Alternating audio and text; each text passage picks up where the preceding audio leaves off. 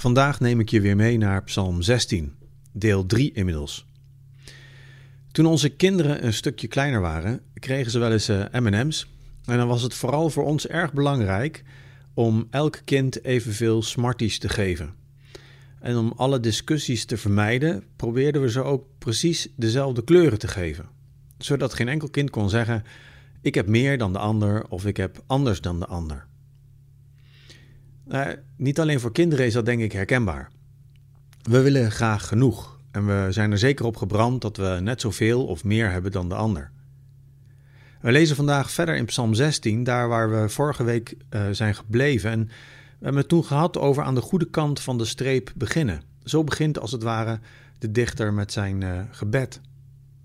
In de vers 5 tot en met 6 lees je waarom het voor de dichter logisch is dat hij bij God begint, dat hij aan die kant staat van de streep.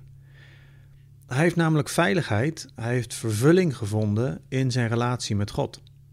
En dat omschrijft hij als volgt in vers 5 en 6. Heer, mijn enig bezit, mijn levensbeker, u houdt mijn lot in handen. Een lieflijk land is voor mij uitgemeten, ik ben verrukt van wat mij is toebedeeld. In vers 6 gaat het over een lieflijk land en iets dat je is toebedeeld.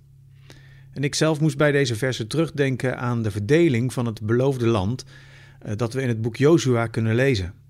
Daar krijgt elke stam een portie land. En hier zegt de dichter: Mijn enig bezit is God.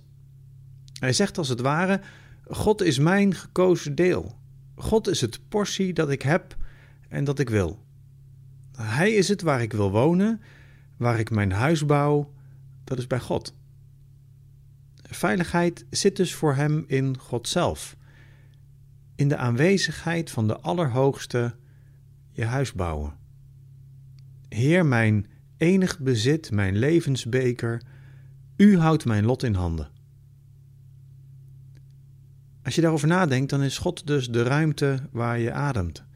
De ruimte waar je leeft, waar je huilt, lacht en lief hebt. En het doet me denken aan een tekst uit Handelingen 17.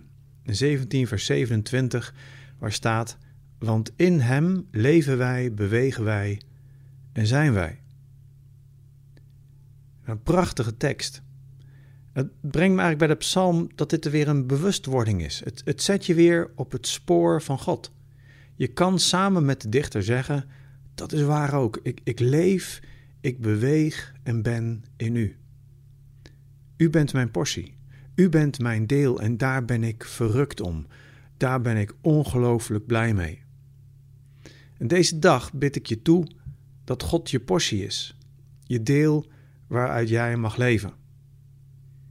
Een hele goede dag gewenst.